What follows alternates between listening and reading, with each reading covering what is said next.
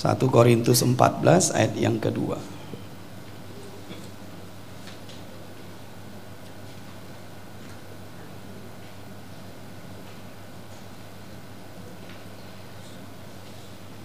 Sudah?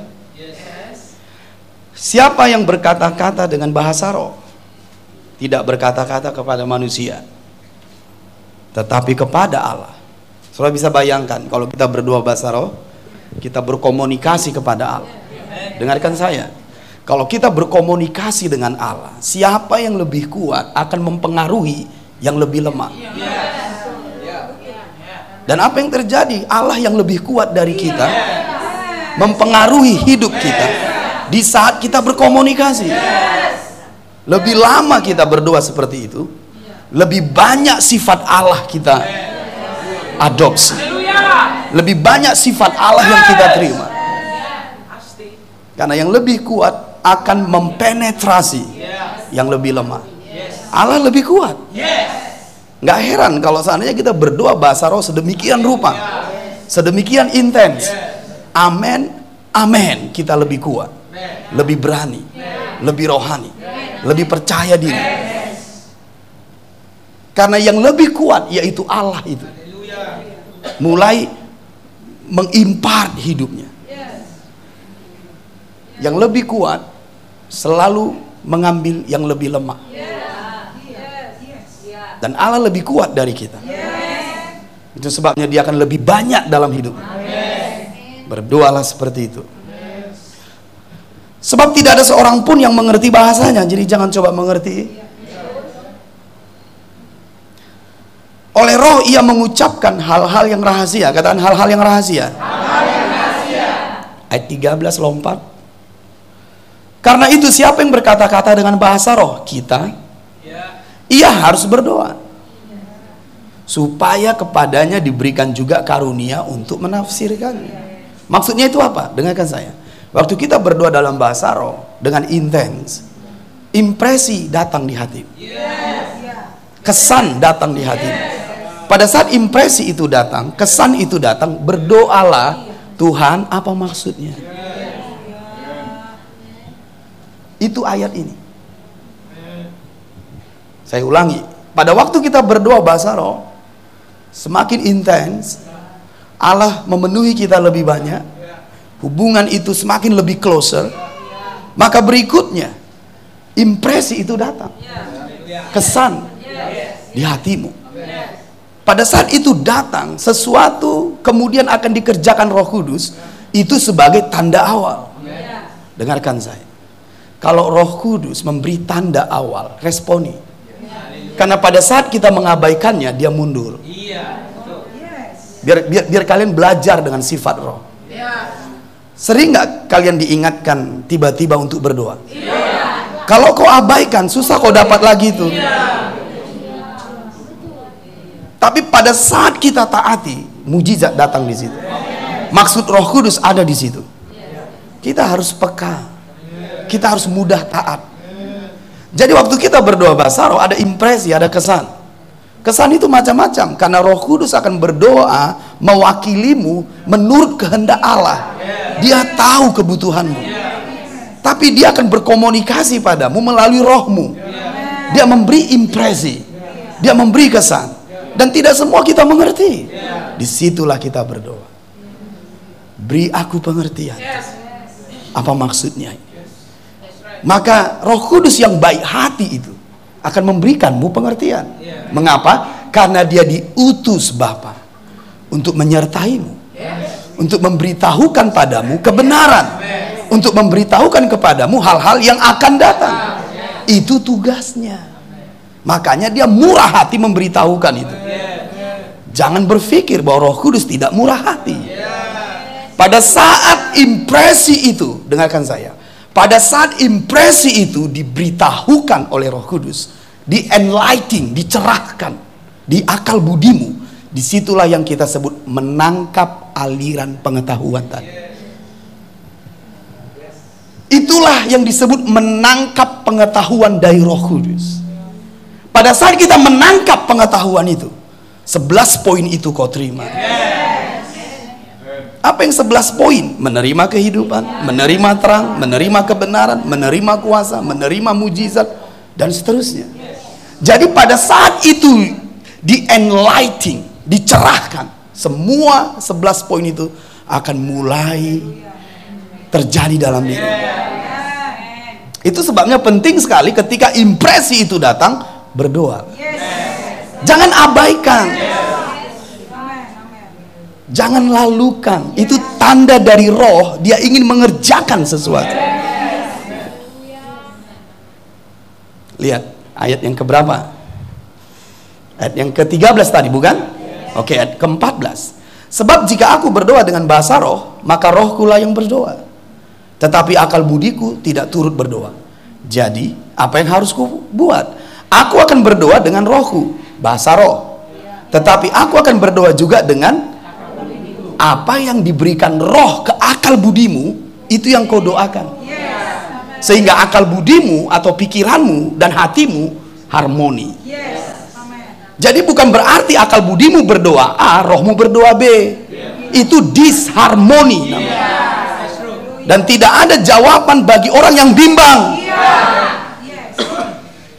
Yakobus pasal 1 jelas berkata bahwa mereka yang bimbang tidak menerima apa-apa Jangan berkecil hati. Bagaimana Papa supaya aku bisa tidak bimbang? Lakukan seperti yang saya katakan. Begitu caranya memiliki kesatuan di dalam hidup kita. Jadi menangkap aliran pengetahuan atau menangkap pengetahuan dari Roh Kudus di saat impresi oleh Roh Kudus di dalam hatimu diberitahu artinya. Dan kalau itu diberitahu artinya kau doakan. Itulah nubuatan. Itulah doa yang memindahkan gunung. Hey come on. Kalau kita sudah tahu itu apa yang kita tunggu? Apalagi yang mau kita tunggu? Segala kuasa dan otoritas sudah diberikan kepada kita. Tahu kalian dengarin saya. Mungkin ini baru bagimu tapi saya murah hati memberitahukan. Dengarkan saya di kejadian dua Allah membentuk Tuhan Allah membentuk dari tanah segala binatang hutan. Betul kan? Perlu kita buka atau cukup saya cerita?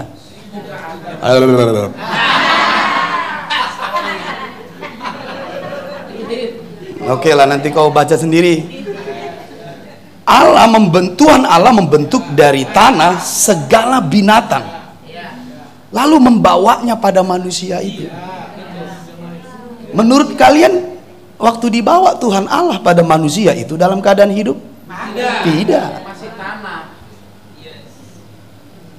Lalu Allah melihat bagaimana manusia itu memberi nama.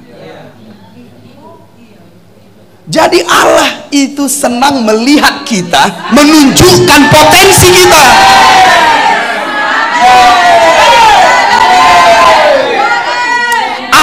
Itu senang ketika dia melihat engkau menunjukkan kuasa yang diberikannya. Dia melihat.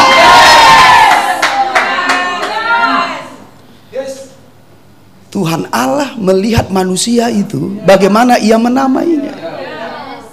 Karena dia ingin melihat kuasa yang diberikan Allah pada manusia itu. Demikian juga sekarang. Ketika dia memperlengkapimu ketika dia memberi roh kudus padamu ketika dia memberi namanya padamu ketika dia memberi kerajaannya padamu dia juga ingin melihat bagaimana engkau menyatakannya. Dia rindu melihat. Bisa mengerti? Dan pada saat itu manusia berkata seperti ini singa singa hidup. Beruang beruang hidup Mengapa bisa terjadi? Karena Allah menghembuskan nafas hidup pada manusia itu. Dan oleh nafas hidup yang dari Allah itu, manusia itu punya kuasa untuk men menghidupkan hewan-hewan yang lain. Karena itu nafas hidup dari Tuhan Allah. Bisa mengerti?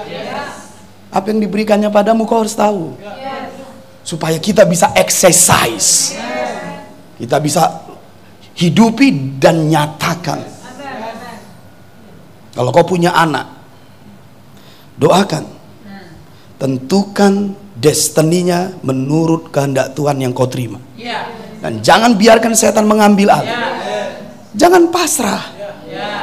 Nubuatkan, doakan, tentukan. Karena otoritas itu diberikan pada memerintahlah dalam hidupmu. Amin.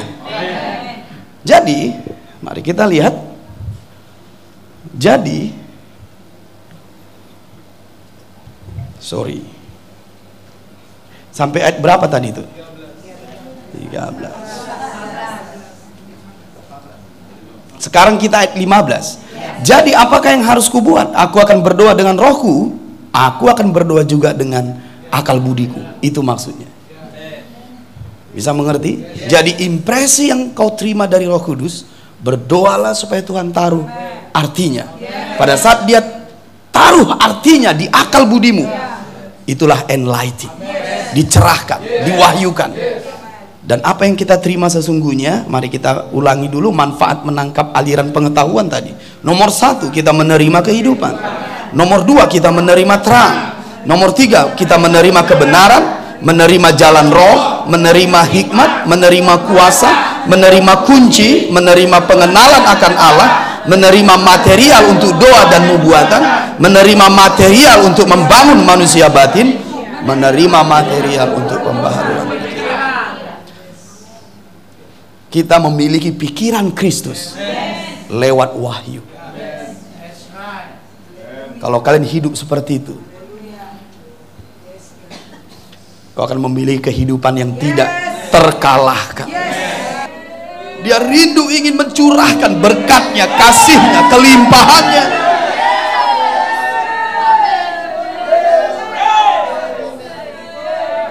Dia mengasihi kita. Dia murah hati. Oh, haleluya. Biarlah engkau mengalaminya biarlah engkau mengalami. Biarlah engkau mengalami. Demi nama Yesus. Haleluya. Mari angkat tanganmu ke sana. Haleluya. Roh kudus roh yang ajaib roh kebenaran. Kuasai hidup kami bantu dan tolong kami sebab kami tidak tahu segala sesuatu tapi engkau tahu segala sesuatu Jangan biarkan kami berjalan sendiri. Tapi tuntun kami, pimpin kami. Dan sertai kami Tuhan. Your love is powerful. Nisemba, your love is mighty.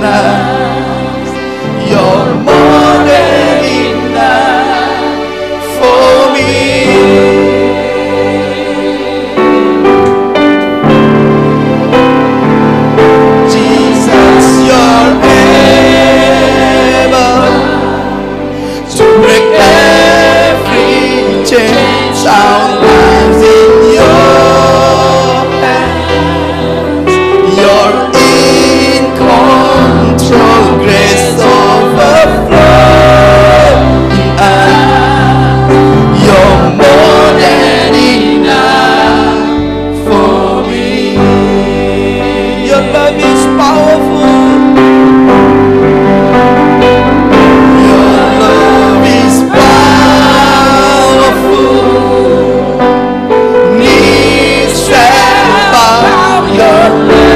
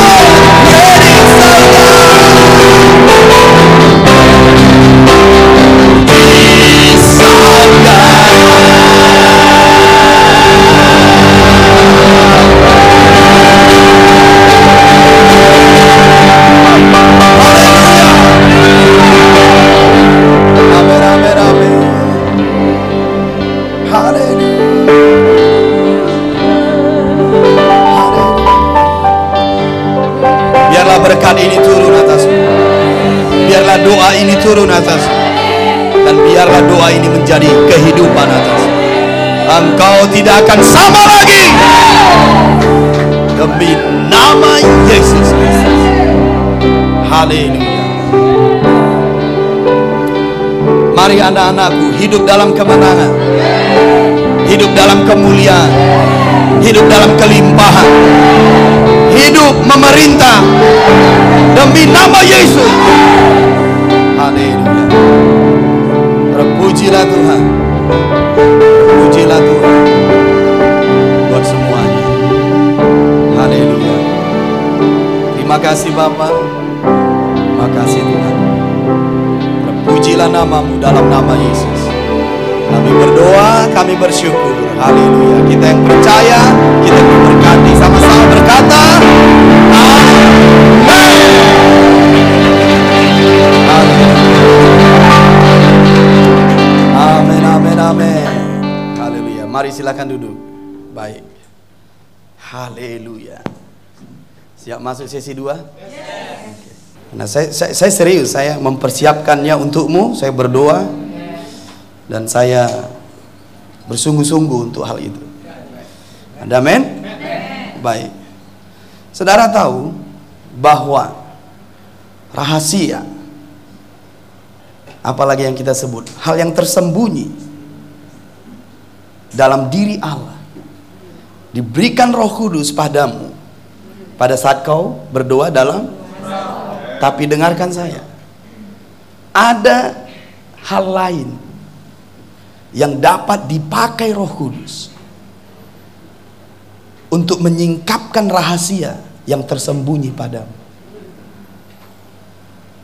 Cara lain ini yang Papa sebut adalah dari perkataan Bapak rohani.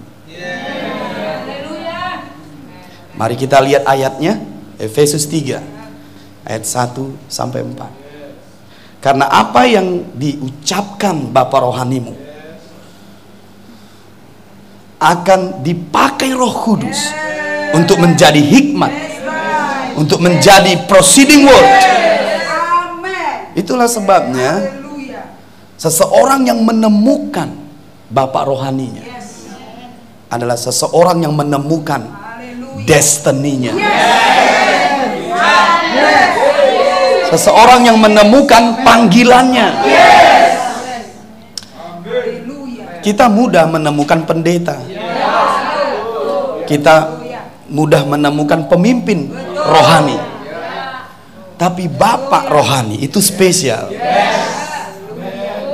Bapak rohani itu adalah yang diutus Tuhan padamu secara khusus.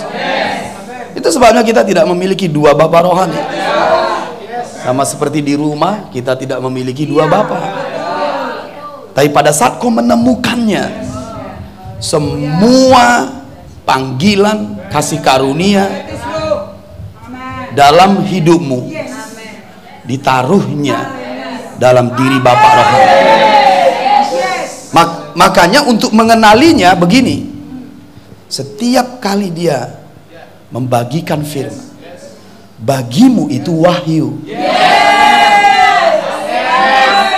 Bagimu itu perkataan Tuhan. Bukan hanya catatan khotbah.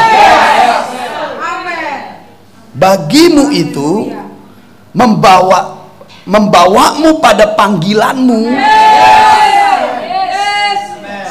Dan dengarkan saya.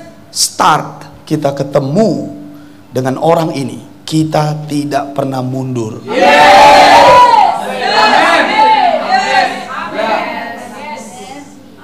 Adalah hal yang paling berbahagia kalau Roh Kudus membawamu ke sana. Karena tidak semua orang. Tapi waktu kita menemukannya, mari mulai hargai. Bangun hubungan itu. Supaya perkataan Bapak rohani dipakai Roh Kudus menjadi perkataan. Jadi kalau dua dimensi ini dibangun dalam dirimu, pada saat kau berdoa dalam bahasa roh, Roh Kudus dalam persekutuan pribadimu dia bisa berbicara. Dengan Bapak rohanimu, dia juga bisa berbicara. Apa yang terjadi padamu? Hal-hal yang tersembunyi dinyatakan, hal-hal yang rahasia dinyatakan. Itu disediakan untuk kemuliaanmu. 1 Korintus 2 ayat 9 dikatakan bahwa apa yang tersembunyi itu disediakan untuk kemuliaan. Kemuliaan kita. Makanya suara Roh Kudus ini berharga sekali. Dia pakai melalui bahasa rohmu, dia pakai melalui Bapak rohani. Bukan perkataan Bapak rohanimu, perkataan Bapak rohanimu dipakainya. Karena Roh Kudus itu tidak sama dengan Bapak rohanimu. Roh Kudus adalah Allah itu sendiri. Dia roh kebenaran. Tapi dia memakai dua cara ini. Bisa mengerti? Perkataan-perkataan yang kukatakan kepadamu adalah roh dan hidup. Kalau kau percaya. Mari saya, saya, saya bawakan pada kebenaran itu. Efesus 3. Efesus 3 bahwa dia akan memakai perkataan Bapak rohanimu untuk menyingkapkan wahyu. Menyingkapkan pengertian. Rahasia. Sama seperti kalau kau dapatkan melalui roh. Ayat yang pertama.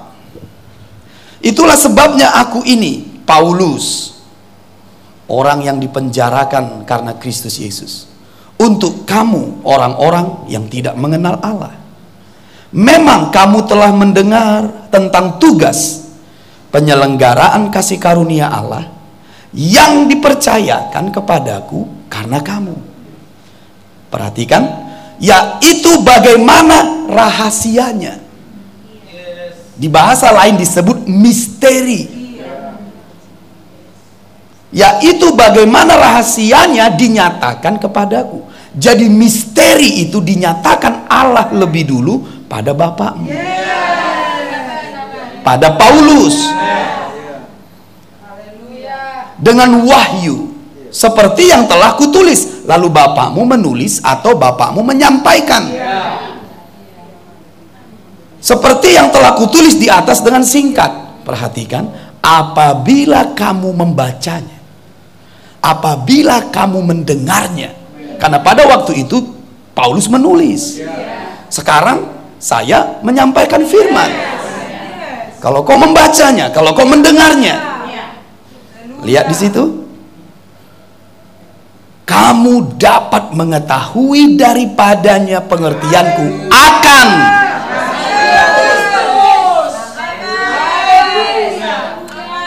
rahasia tadi, misteri, hal yang tersembunyi itu akan disingkapkan Roh Kudus kepadamu. Kalau kau membaca, kau mendengarkan Bapak rohanimu. Bisa mengerti? Membacanya mengetahui rahasia. Mendengarnya mengetahui rahasia. Coba perhatikan saya. Itu sebabnya kita nggak nggak boleh e, berpikir sederhana kalau membaca. Membaca itu sebenarnya adalah peristiwa persekutuan roh. Ya, ya. Kalau kita membaca buku-buku yang bersifat sihir, maka terjadi persekutuan roh sihir di situ. Makanya banyak orang mempelajari ilmu hitam melalui buku-buku bacaan. Karena dengan membacanya terlibat persekutuan. Mendengar juga seperti itu terjadi asosiasi spirit. Terjadi asosiasi spirit. Kalau kita mendengar orang-orang yang jahat, dukun, orang-orang yang bergerak di bidang okultisme kita akan menerima impaknya karena ini disebut asosiasi spirit. Dan kalau kita bersekutu dan mendengar membaca orang yang diutus Tuhan Bapak rohani kita maka terjadi persekutuan roh di sini. Apa yang terjadi pada Bapamu terjadi padamu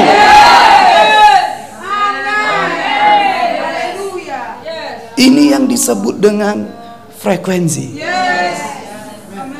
Katakan frekuensi. frekuensinya tepat, persekutuanmu tepat, rahasianya dinyatakan. Katakan frekuensi. Yohanes 8. Mari kita lihat dulu frekuensi ini sedikit. Yohanes 8. Kalau kita membaca, kita mendengar, kita perlu frekuensi yang tepat. Karena ini asosiasi spirit. Persekutuan roh. Frekuensi.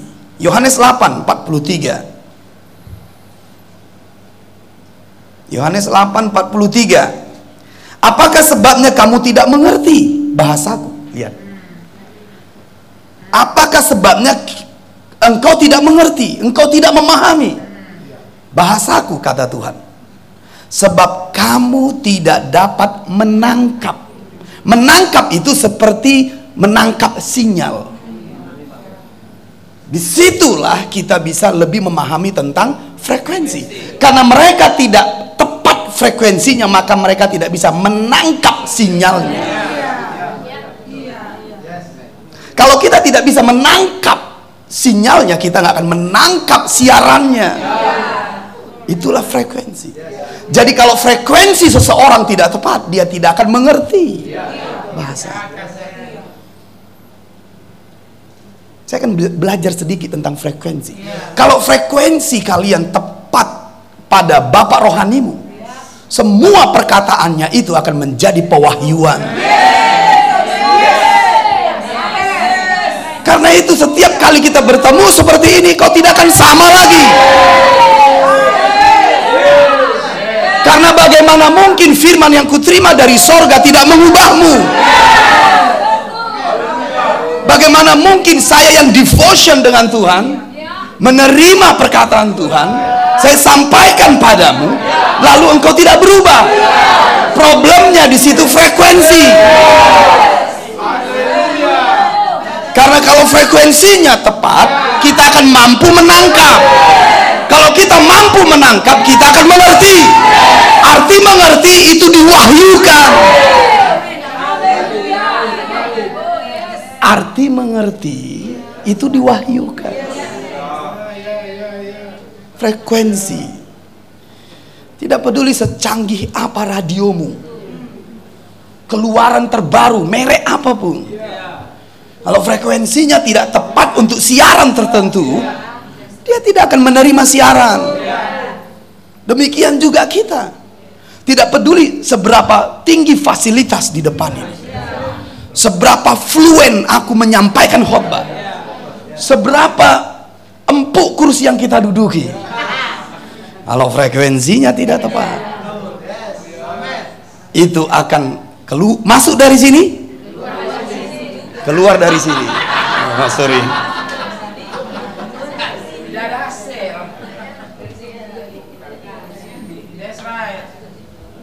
Katakan frekuensi. frekuensi. Mengapa mereka tidak mengerti? Enggak menangkap.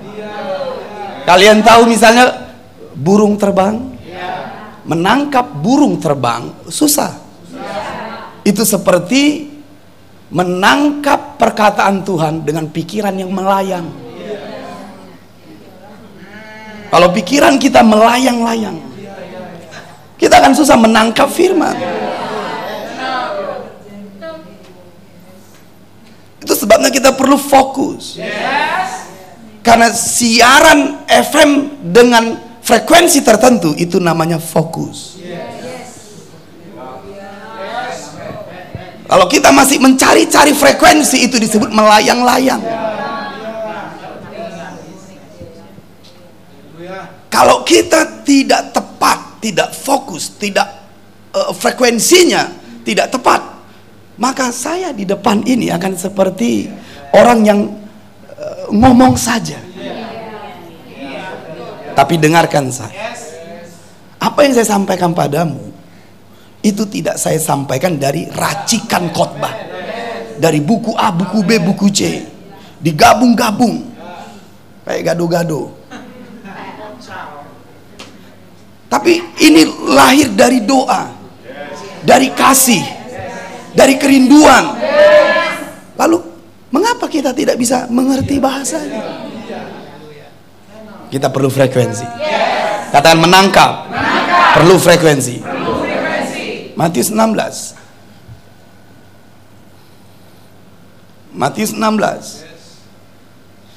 Ayat 17. Matius 16 ayat 17. Kata Yesus kepadanya, Berbahagialah engkau Simon bin Yunus, sebab bukan manusia yang menyatakan itu kepadamu, melainkan Bapakku yang di sorga. Dia bisa menangkap sinyal dari sorga. Frekuensinya bisa menangkap siaran dari tahta sorgawi. Ayo, siapa yang bisa menangkap itu di bumi ini? Coba. Itulah sebabnya Yesus bilang berbahagialah engkau Simon. Karena tak satu makhluk pun di bumi bisa menangkap sinyal itu kalau tidak dikasih karuniakan. Tapi Simon menangkap itu. Ketika dia menangkap sinyal itu karena frekuensinya tepat.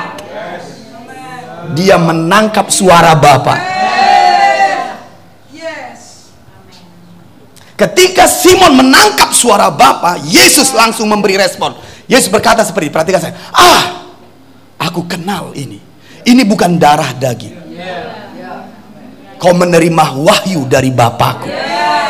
Itulah sebabnya kau pun akan mengenali suara saudara-saudaramu, suara saya kalau itu datang dari Bapamu di sorga.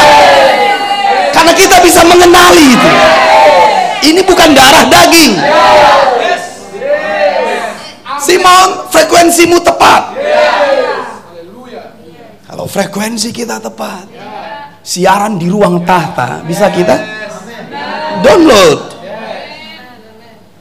Melainkan Bapakku yang di sorga. Katakan sorga, Bumi. Dua alam yang berbeda. Tapi Simon bisa menangkap sinyalnya.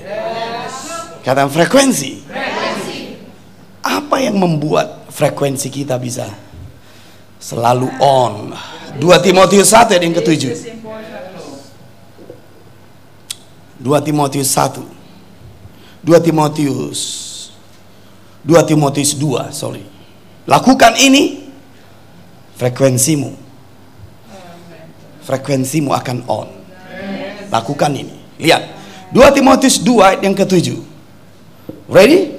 Lihat perhatikanlah apa yang ku katakan kunya di sini huruf kecil atau huruf besar berarti manusia ini adalah Paulus. Perhatikan, perhatikanlah apa yang ku katakan. Ku katakan. Lihat, Tuhan akan memberi kepadamu pengertian dalam segala sesuatu. Sebelum Tuhan memberikanmu pengertian, apa yang kau lakukan? Karena Tuhan akan memakai perkataan Bapak rohanimu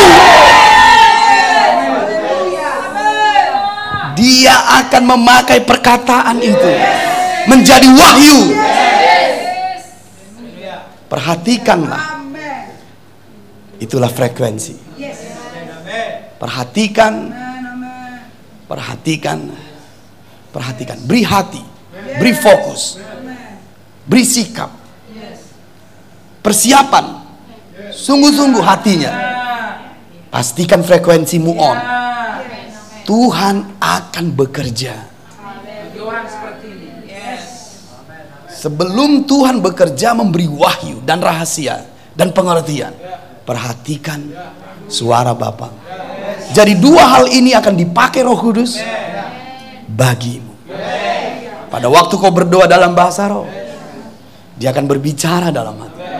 Dia memberi impresi, dia memberi kesan, dia memberi sensasi, situasi roh di dalam batin. Lalu kau mulai berdoa, Roh Kudus, beritahu aku. Tapi dengarkan, kalau kita tidak mendapati itu, pakai cara lain. Dengarkan suara Bapak rohani. Perhatikan dengan seksama, mampu menangkap supaya kita mengerti bahasa. Haleluya. Amin. Bapakku berdoa dalam nama Yesus biar dua dimensi ini bekerja atas umatmu sehingga kami tidak kekurangan roti kehidupan kami tidak kekurangan air kehidupan Kami tidak kekurangan makanan ilahi. Kami memiliki kelimpahan dari roti kehidupan, dari makanan ilahi demi nama Yesus. Sehingga kami kuat, kami kenyang, kami berkelimpahan oleh perkataan Tuhan dari sorga. Demi nama Yesus sampaikanlah firmanmu dan kami akan sembuh. Demikianlah engkau berfirman demikianlah engkau berbicara. Demi nama Yesus sehingga umatmu tidak kekurangan hikmah tidak kekurangan arahan tidak kekurangan jalan roh. Sebab kami menerima makanan yang berlimpah. Kami menerima roti yang berlimpah. Firman yang segar dari sorga. Sehingga kami kuat dalam kehidupan. Kami diberkati dalam kehidupan kami berhasil dalam kehidupan kami kuat dalam kehidupan terima kasih Tuhan biarlah dua dimensi ini bekerja dengan dahsyat dalam hidup kami. Demi nama Yesus, kita yang percaya sama-sama berkata, Amin. Haleluya. Amin, amin, amin. Sesi tiga. Tulis di situ pekerjaan Roh Kudus. Tulis di situ karya Roh Kudus, karya Roh Kudus atau pekerjaan Roh Kudus. Yohanes pasal 16 Mari kita sedikit mengenali Roh Kudus supaya kita bisa lebih uh, mengenali pekerjaannya dalam hidup kita, mengenali saat-saat dia berbicara dalam hidup kita dan mengenali saat-saat dia mulai memberikan kesan impresi dalam hidupmu. Katakan mengenali, mengenali pekerjaan Roh Kudus. Pekerjaan Roh Kudus. Siap? Yes. Mari kita lihat Yohanes pasal 16. Yohanes pasal 16. Pekerjaan Roh Kudus, karya Roh Kudus. Ayat yang ketujuh. Sampai ayat yang ke-15. Yohanes 16 ayat yang ke-7 sampai 15. Siap? Sungguh-sungguh? Yes. Baik. Ayat yang ke-7. Namun benar yang kukatakan ini kepadamu adalah lebih berguna bagi kamu jika aku pergi. Sebab jikalau aku tidak pergi, penghibur itu tidak akan datang kepadamu. Tetapi jikalau aku pergi, aku akan mengutus dia kepada jadi roh kudus diutus kepada kita bagi kita untuk kita bukan untuk dunia untuk kita.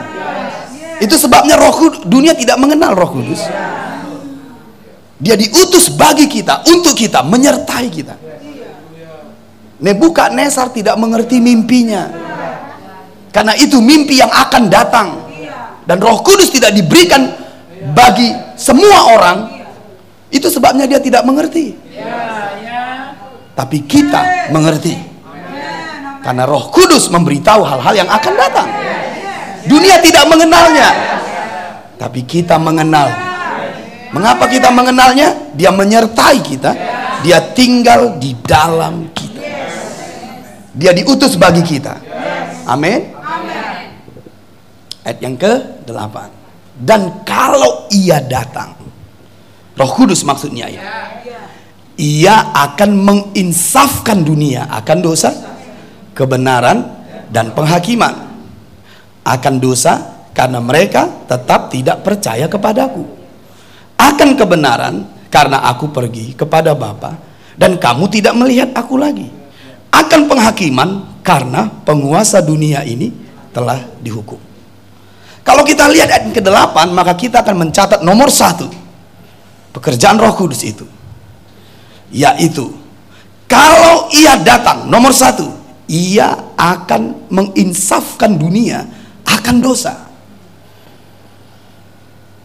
Jadi pekerjaan Roh Kudus adalah menginsafkan dunia akan dosa.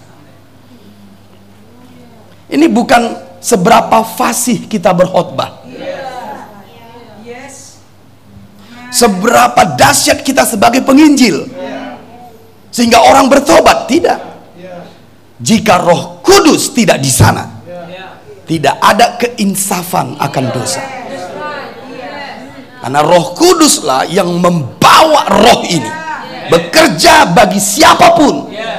Ketika dia mendengarkan firman, Roh Kudus bekerja di hatinya. Dia insaf akan dosa.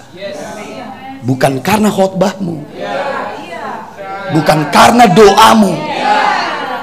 Jadi kalau Roh Kudus tetap tinggal di sorga, tidak ada insaf akan dosa di dunia ini. Tapi kalau Roh Kudus datang, dia akan menginsafkan dunia akan dosa. Ayat 9, akan dosa karena mereka melakukan pornografi. Akan dosa karena mereka melakukan korupsi. Eh, itukah yang dicatat? akan dosa karena mereka melakukan pembunuhan. Akan dosa karena mereka hidup pesta pora. Tidak.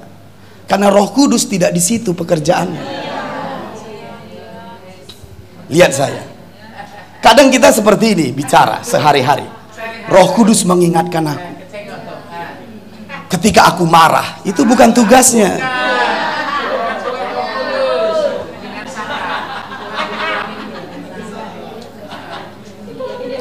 Roh Kudus menginterupsiku ketika aku nonton terlalu banyak. Kurang kerjaan Roh Kudus. Mari, biar Papa, saya ingin membawa kalian mengenalinya.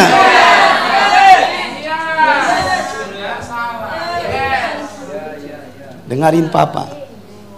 Saya tidak bilang kalau Roh Kudus tidak bisa melakukan itu. Saya hanya bilang apa pekerjaan Roh Kudus. Kadang saya pernah melakukan, kita pernah melakukan. Di saat kita merasa tidak sejahtera melakukan sesuatu, mungkin kita berbicara terlalu banyak. Kadang kita berpikir seperti berbicara seperti ini. Roh Kudus mengingatkanku aku terlalu banyak ngomong. Karena saya tidak melihat pekerjaannya di, di situ. Jadi siapa yang mengingatkanmu itu? Ini yang saya sebut fungsi dari suara hati nurani. Makanya ketika kita tidak mendengarnya dua tiga kali atau mengabaikannya, suara itu tidak kedengaran lagi kan? Karena itu suara hati.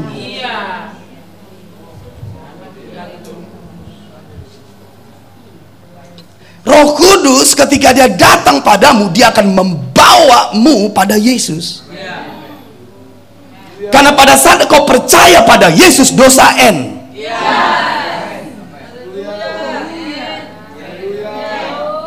Lihat ayat 9. Akan dosa karena mereka tetap tidak percaya kepadaku karena akar dosa adalah ketidakpercayaan.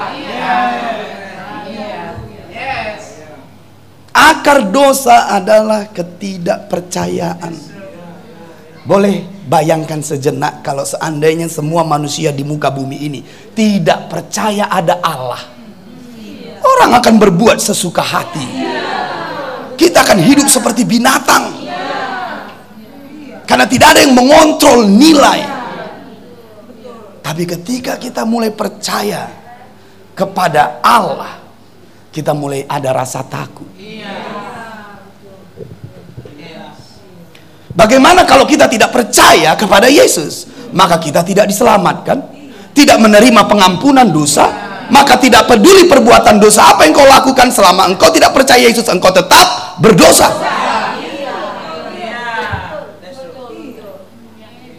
Karena kalau kita tidak percaya Yesus kita dihukum. Jadi dosa di situ tidak bergantung apa yang kau lakukan tapi bergantung pada apa yang kau percayai Jadi kalau Roh Kudus datang padamu, dia akan membawa imanmu lebih lagi pada Yesus. Pada karyanya, pada salibnya. Pada saat kita melihat salibnya, melihat karyanya, kita mulai berkomitmen untuk hidup benar, untuk hidup kudus, untuk hidup beribadah. Karena kepercayaanmu kepadanya akan membuatmu hidupmu lebih benar. Roh Kudus tidak bertugas untuk mengingat-ingatkan dosa perbuatanmu.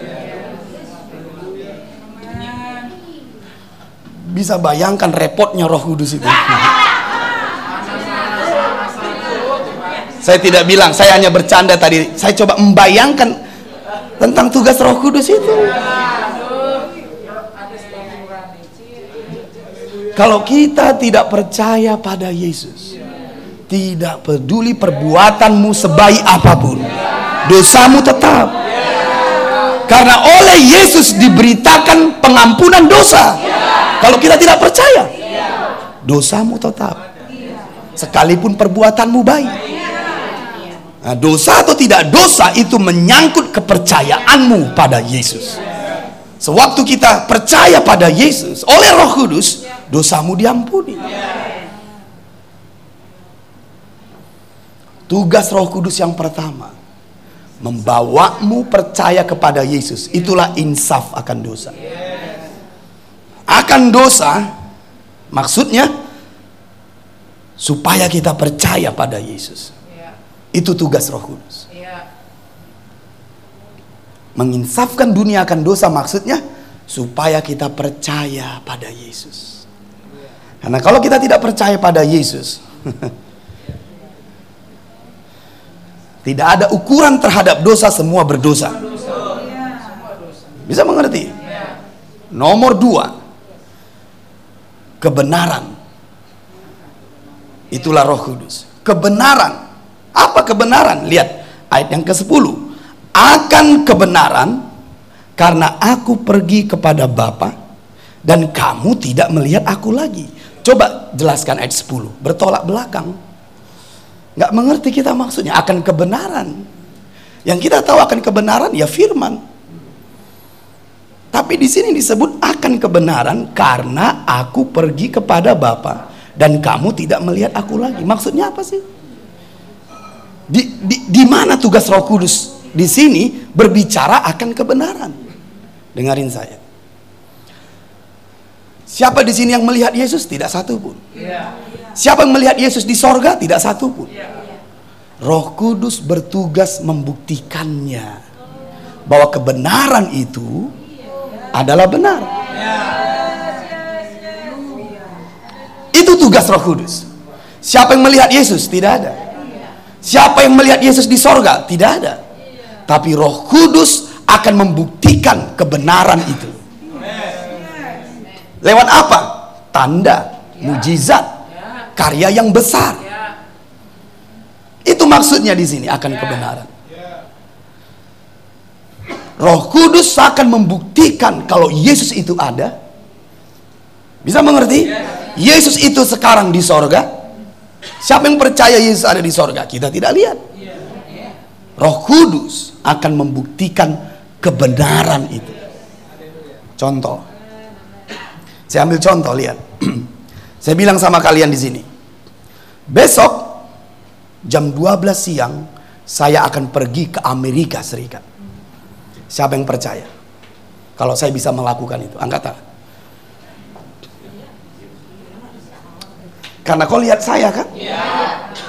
Sekarang saya mau bertanya lagi. Besok jam 12 siang saya akan pergi ke Amerika Serikat berjalan-jalan di Gedung Putih. Siapa yang percaya angkat tangan? Saya bisa lakukan itu. Siapa yang percaya saya bisa lakukan itu? Oke, ibu sana saya percaya. Dia percaya. Saya tambahin lagi. Siapa yang percaya? Besok siang saya akan pergi ke Amerika Serikat, jalan-jalan ke Gedung Putih, bicara dengan Joe Biden. Siapa yang percaya? Mungkin mungkin kita berpikir seperti ini. Bagaimana mungkin? Lalu besok terjadi. Jam 12 siang saya pergi ke Amerika. Saya jalan-jalan di Gedung Putih. Saya berjabat tangan dengan Joe Biden. Semua peristiwa itu saya rekam. Saya foto. Pada saat saya berjabat tangan, saya foto. Pada saat ngobrol, saya videokan. Saya kirim ke kalian. Siapa yang percaya? Sekalipun saya sudah di Kalian tidak bisa melihat. Kalau nggak ada bukti itu, kalian bisa tidak percaya. Samalah seperti itu. Yesus sekarang ada di sorga. Tidak seorang pun melihat. Tapi roh kudus akan memberi buktinya. Itulah sebabnya roh kudus akan membuktikan dengan tanda-tanda yang heran. Mujizat. Kuasa. Hadirat Tuhan. Perubahan kehidupan. Ketika kita menerima Yesus, kita mengikuti Yesus, hidup kita berubah. Ketika kita membaca firman, firman itu hidup. Kita percaya kalau Yesus itu ada. Kita percaya kalau Yesus di sorga. Mengapa? Karena kita mengalami karya Roh Kudus. Itulah akan kebenaran. Jadi tugas Roh Kudus yang kedua adalah untuk membuktikan bahwa Yesus sekarang ada di sorga. Bahwa semua yang dikatakan Yesus, yang dihidupi Yesus adalah benar. Itulah akan kebenaran. Nomor tiga. Tugas Roh Kudus yang ketiga adalah penghakiman. Ayat 11, akan penghakiman karena penguasa dunia ini telah dihukum. Dari mana kita tahu penguasa dunia ini telah dihukum? Satu, kita berkata kepada yang sakit sembuh, sembuh. Karena sakit penyakit, penderitaan, keterikatan, pekerjaan setan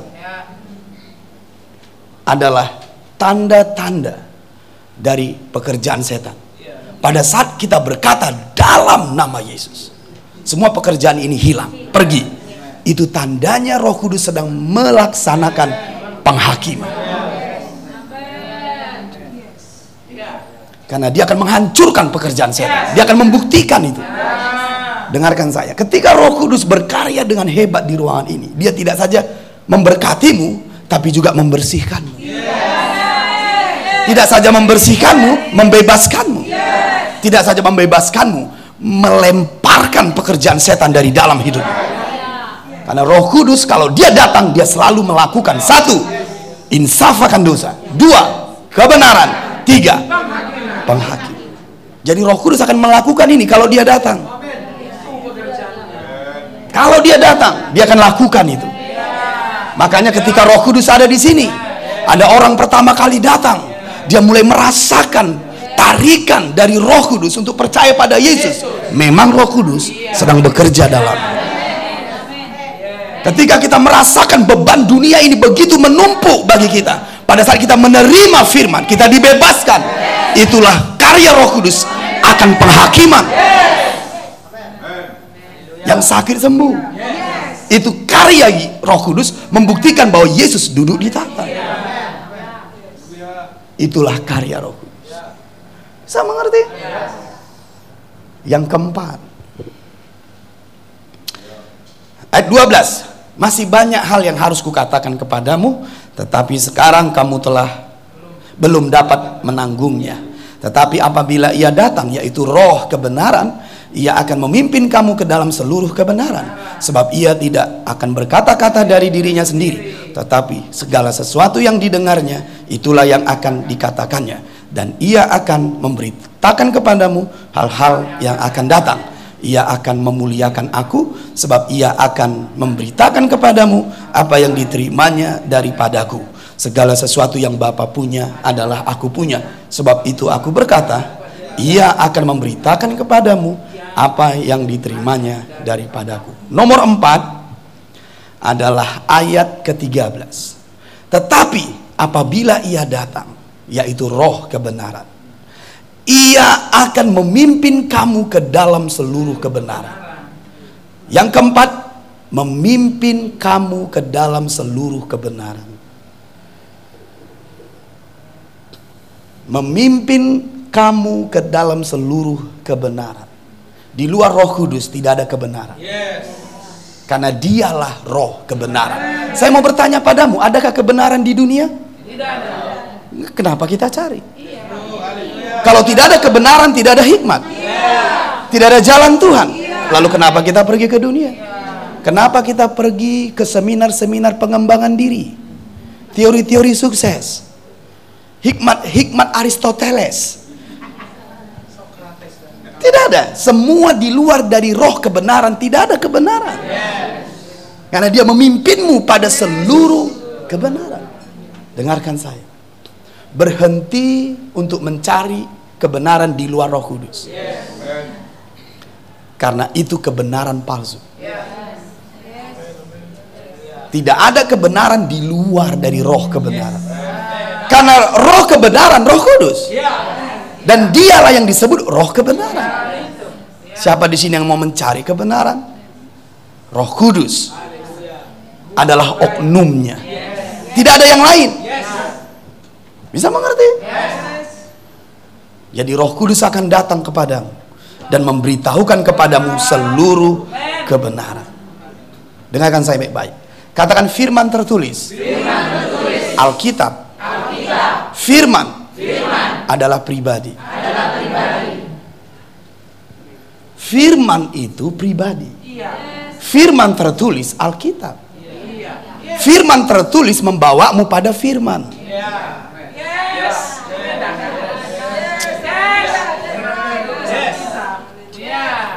Boleh saya bagikan? Pada mulanya adalah firman. Firman itu bersama-sama dengan dan firman itu adalah Firman itu menjadi manusia. Firman itu adalah Yesus. Firman tertulis yang kita bawa yaitu kitab suci membawamu pada firman. Dan firman tertulis tanpa Roh Kudus adalah mematikan. Tetapi firman tertulis dengan Roh Kudus akan membawamu pada Yesus. Karena Yesuslah kebenaran. Orang membaca firman tertulis. Mempelajarinya sungguh-sungguh. Belum tentu bertemu Yesus. Karena firman tertulis harus dihidupkan oleh roh kebenaran. Dan roh kebenaran akan membawa firman tertulis kepada firman itu. Jadi jangan heran ada orang banyak tahu firman tertulis tapi tidak mengenal Yesus.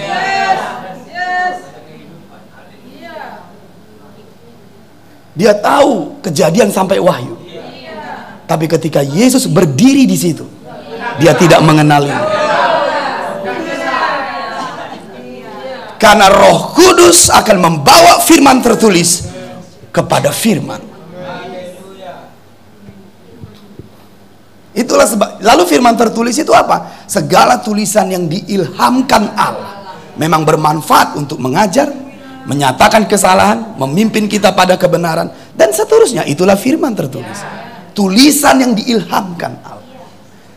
Dengarkan saya, firman tertulis plus Roh Kudus akan membawamu pada firman.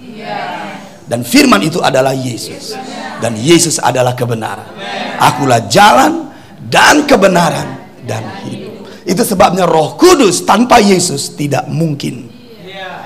Roh Kudus dan Yesus adalah satu.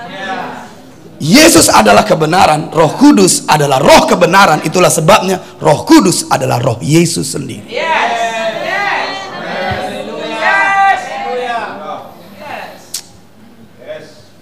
Hmm. Oke, ada yang mulai. Coba kusut dulu di sini.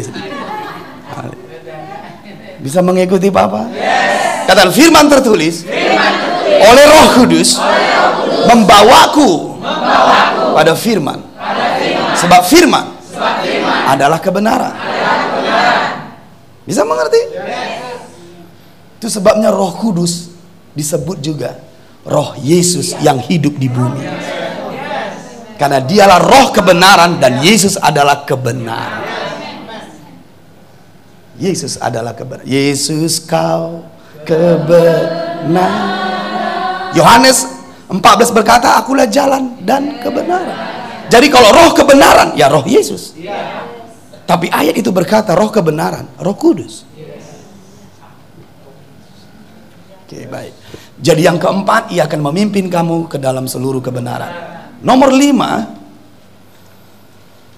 ayat yang ke hmm, ke-13 masih. Coba. Tetapi apabila ia datang yaitu roh kebenaran, roh Yesus juga ini. Bukan nggak begitu? Roh Kudus. Sudah bisa mengerti? Ia akan memimpin kamu ke dalam seluruh kebenaran. Sebab ia tidak akan berkata-kata dari dirinya sendiri, tetapi segala sesuatu yang didengarnya, itulah yang akan dikatakannya. Dan ia akan memberitakan kepadamu hal-hal yang akan datang. Nomor lima, ia memberitakan kepadamu hal-hal yang akan datang. Jadi ini bukan milik paranormal dukun, astrologi. Tidak, Roh Kudus yang tahu masa depan. Nebukadnezar tidak bisa tahu.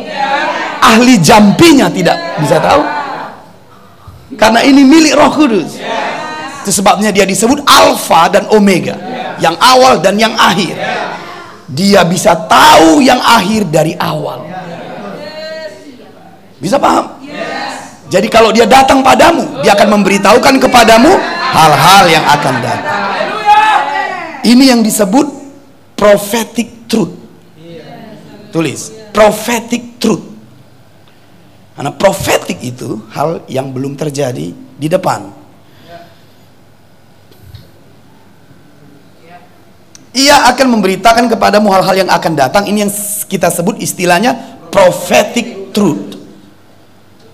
Nomor 6 ayat 14. Ia akan memuliakan aku. Nomor 6, ia akan memuliakan aku. Semua pekerjaan Roh Kudus selalu memuliakan Yesus. Tidak memuliakan dirinya, tidak memuliakan orang lain. Begitu cara membaca Roh Kudus. Kalau kalian mendengar seseorang dan dia bisa mengerti? Karena kalian sudah memberi respon, nggak usah saya jelaskan lagi.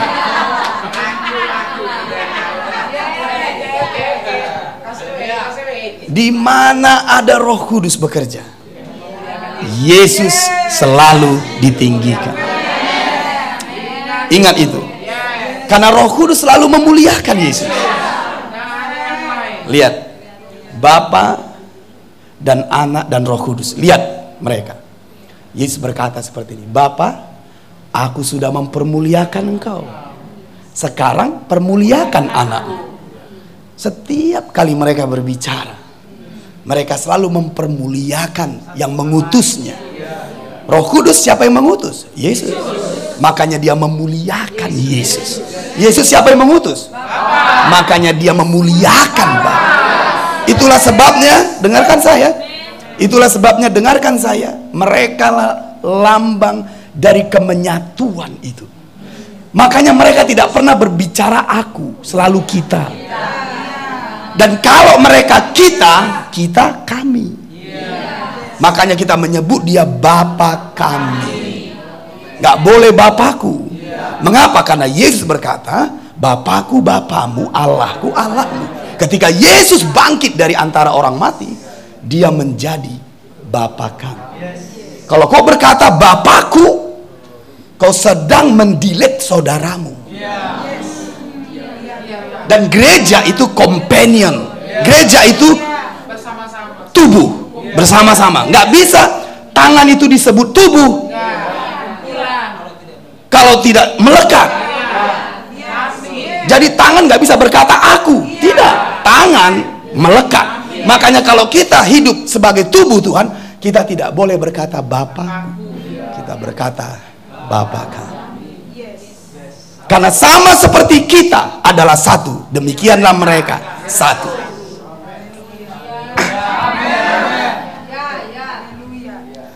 Dari awal dia berkata, marilah kita menjadikan. kita. Dan Yesus berkata, berdoalah demikian Bapa kami. Nanti datang tanggal 27. Nomor 6, ia akan memuliakan aku. Nomor 7 ayat 14. Ia akan memuliakan aku sebab ia akan memberitakan kepadamu apa yang diterimanya daripadaku. Yang ketujuh, ia akan memberitakan kepadamu apa yang diterimanya daripadaku. Itu nomor tujuh. Dan nomor delapan, bisa mengerti? Apa nomor enam tadi? Ia akan memuliakan aku. Apa nomor tujuh? Oke, nomor delapan yaitu ayat 12. Masih banyak hal yang harus kukatakan kepadamu. Hal-hal yang belum dikatakan Yesus akan disingkapkan Roh Kudus.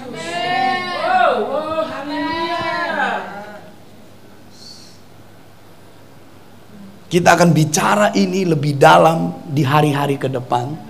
Karena ini pada waktu itu masih dimateraikan. Yesus tidak bisa menyampaikan itu. Ingat apa kata malaikat kepada Daniel? Daniel materaikan. Sampai zaman akhir tiba. Yohanes materaikan. Karena hamba-hambaku nanti akan memahami. Itu sebabnya ada kebenaran yang tidak diwahyukan di masa-masa tertentu, tapi diwahyukan di masa-masa datang. Itu maksudnya ini. Dulu kita tidak berbicara tentang era kerajaan. Dulu kita tidak berbicara pewahyuan pembapaan seperti ini.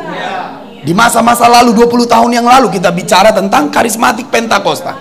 Kita bicara bahasa roh, karunia roh, eh, penginjilan, mengusir setan, menyembuhkan orang sakit dan kita tidak diajari bagaimana memerintah, apa pembapaan dan seterusnya. Tapi pada saat ini itu dibuka. Dan dengarkan besok tahun depan hal-hal yang belum di, dikatakan, yang termaterai akan disingkap. Siapa yang melakukan itu? Roh Kudus.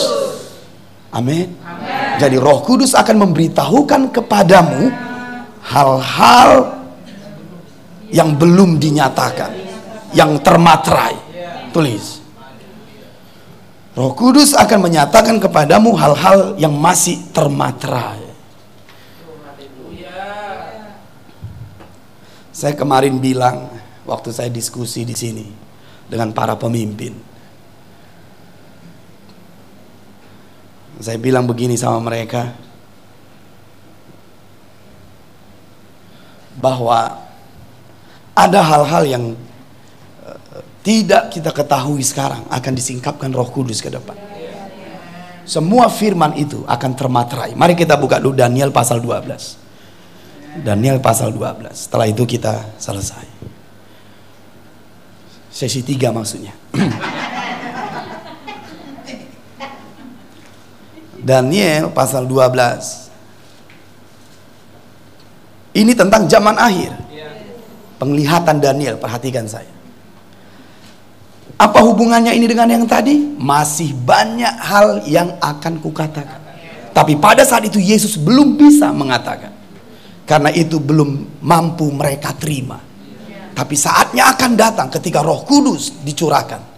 Dialah roh kebenaran akan membawamu pada hal-hal yang masih termateraikan. Daniel 12 ayat 1. Siap? Pada waktu itu juga akan muncul Mikael, pemimpin besar itu yang akan mendampingi anak-anak bangsamu dan akan ada suatu waktu kesesakan yang besar seperti yang belum pernah terjadi sejak ada bangsa-bangsa sampai pada waktu itu. Tetapi pada waktu itu bangsamu akan terluput, yakni barang siapa yang didapati namanya tertulis dalam kitab itu. Dan banyak dari antara orang-orang yang telah tidur di dalam debu tanah akan bangun. Sebagian untuk mendapat hidup yang kekal. Sebagian untuk mengalami kehinaan dan kengerian yang kekal. Tahu kalian ayat 2 ini? Seringkali kita kutip ayat ini kita pakai di, di, di, di kebenaran yang kita ikuti ini bahwa orang masuk surga harus mati. Eh, Jadi banyak orang bahwa sorga itu hanya bisa kita alami setelah kita mati. Oh tidak. Oke, tunggu itu nanti. Inilah kebenaran yang masa itu tersingkap. Tapi sekarang kita tahu ada yang disebut hari-hari di bawah sorga. Kita tidak perlu harus mati untuk masuk ke sorga. Di muka bumi kita bisa mengalami sorga. Oke? Bisa mengerti? Oke. Ayat yang kelima. Jangan berdoa untuk mati supaya masuk sorga ya. Masih banyak pekerjaan kita di sini. Daniel 12 ayat 3 dan orang-orang bijaksana akan bercahaya seperti cahaya cakrawala. Dan yang telah menuntun banyak orang kepada kebenaran seperti bintang-bintang. Tetap untuk selama-lamanya. Tetapi engkau Daniel perhatikan sembunyikanlah segala firman itu. Dan materaikanlah kitab itu sampai pada akhir zaman banyak orang akan menyelidikinya dan pengetahuan akan bertambah. Lihat sekarang, pengetahuan bertambah? Ya. Banyak orang menyelidiki firman? Tapi selama tersil dan tidak terbuka, tidak seorang pun mengerti.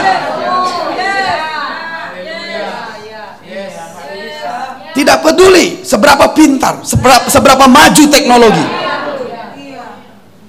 Kalau ini tersil, termatrai, tidak ada seorang pun yang mengerti. Saya akan ajarin kebenaran ini nanti. Oke? Okay? Kemudian aku, Daniel melihat, maka tampaklah berdiri dua orang lain. Seorang di tepi sungai, sebelah sini, dan yang lain di tepi sungai, yang sebelah sana. Dan yang seorang bertanya kepada yang berpakaian kain lenan, yang ada di sebelah atas air sungai itu. Bilakah hal-hal yang ajaib ini akan berakhir?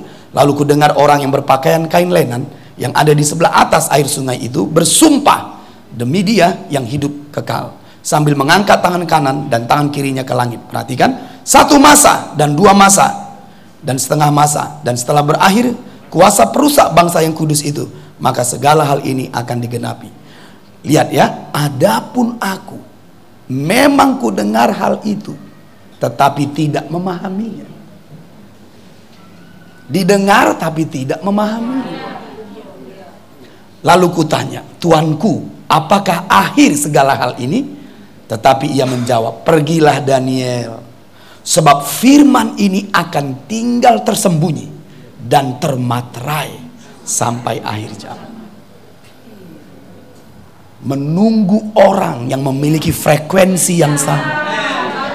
Dengarkan, kalau manusia bisa mematerainya, manusia juga bisa membuka. Tunggu, Papa jelaskan itu. Bisa paham? Tunggu, Papa jelaskan. Saya tidak mau terburu-buru karena ini sangat penting bagi kita di zaman akhir. Untuk apa ini saya jelaskan? Yang tadi yang saya sebut, masih banyak hal yang harus kukatakan kepada. Kenapa nggak dikatakan saat itu? Karena hal-hal itu belum bisa dinyatakan.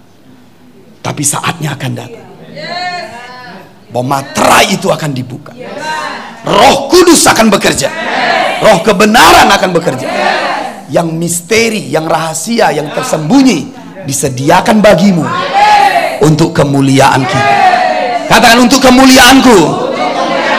Haleluya. Jadi mari kita simpulkan. Pekerjaan Roh Kudus yang pertama menginsafkan dunia akan dosa. Pekerjaan Roh Kudus yang kedua akan kebenaran. Pekerjaan Roh Kudus yang ketiga akan penghakiman. Pekerjaan Roh Kudus yang keempat memimpin kamu ke dalam seluruh kebenaran. Pekerjaan Roh Kudus nomor lima. Pekerjaan Roh Kudus nomor enam. Pekerjaan Roh Kudus nomor tujuh. Pekerjaan Roh Kudus nomor delapan.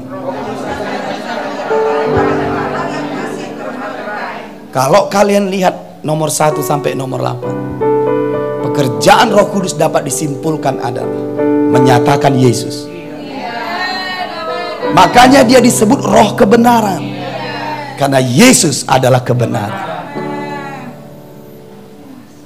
Itulah sebabnya Roh Kudus adalah Roh Yesus yang hidup di muka bumi.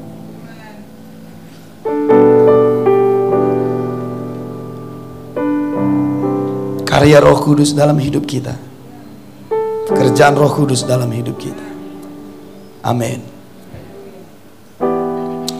Haleluya. Wahyu 1 ayat 1. Terakhir. Wahyu 1 ayat 1. Sudah? Siap? Perhatikan baik-baik. Inilah wahyu Yesus Kristus. Jadi ini bukan cerita tentang setan.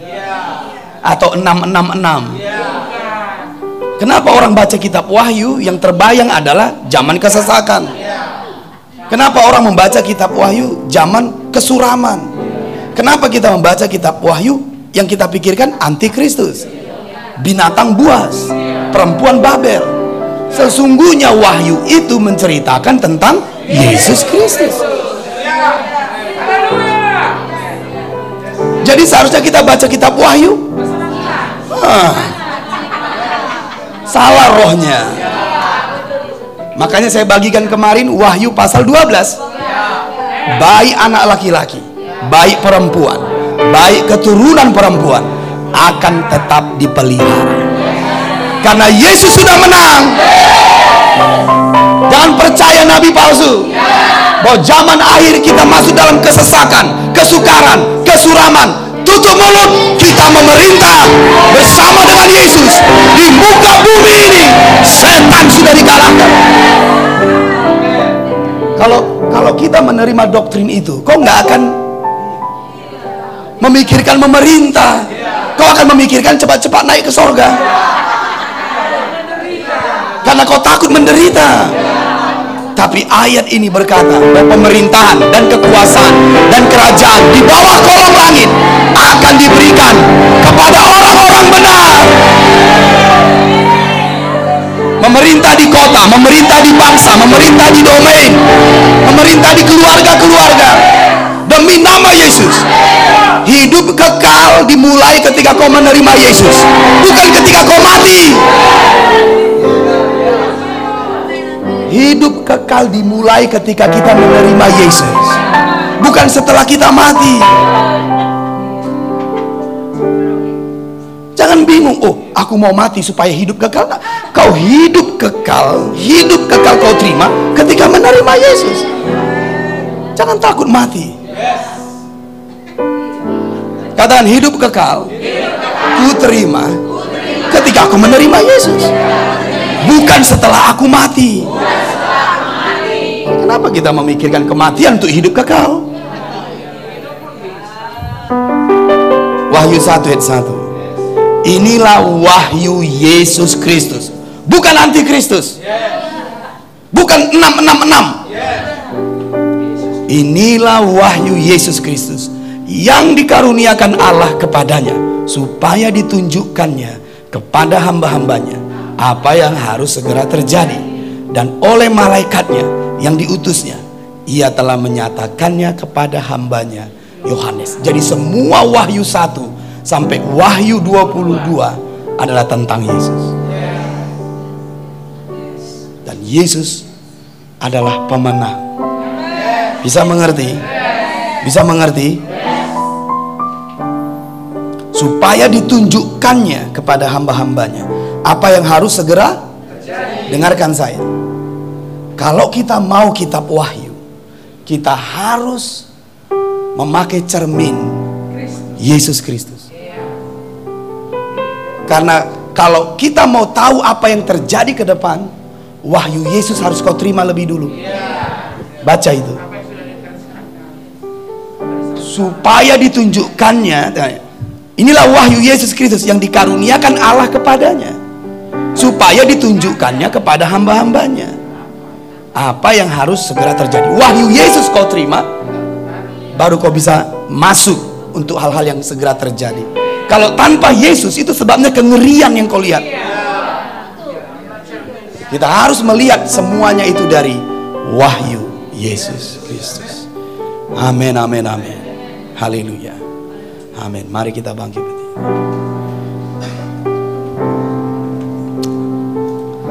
Haleluya. Amin amin. Saudara bahagia hari ini? Saudara menerima banyak hari ini? Saudara bersuka cita? Lord take Lord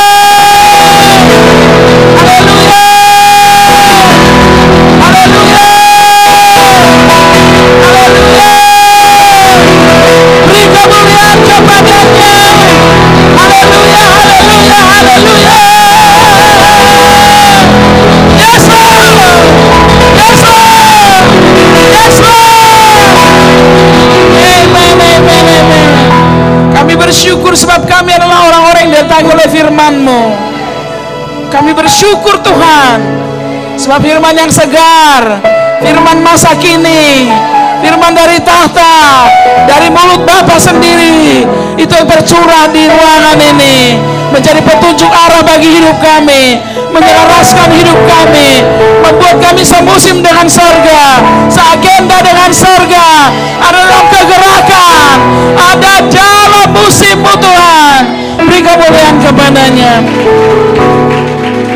Thank you God, thank you God, thank you Lord, thank you God. Kau mengasihi kami sungguh Tuhan. Terpujilah Engkau Bapa, terpujilah Engkau. Haleluya, yang percaya bersama-sama katakan Amin. Amin, amin. Yes. Silahkan duduk.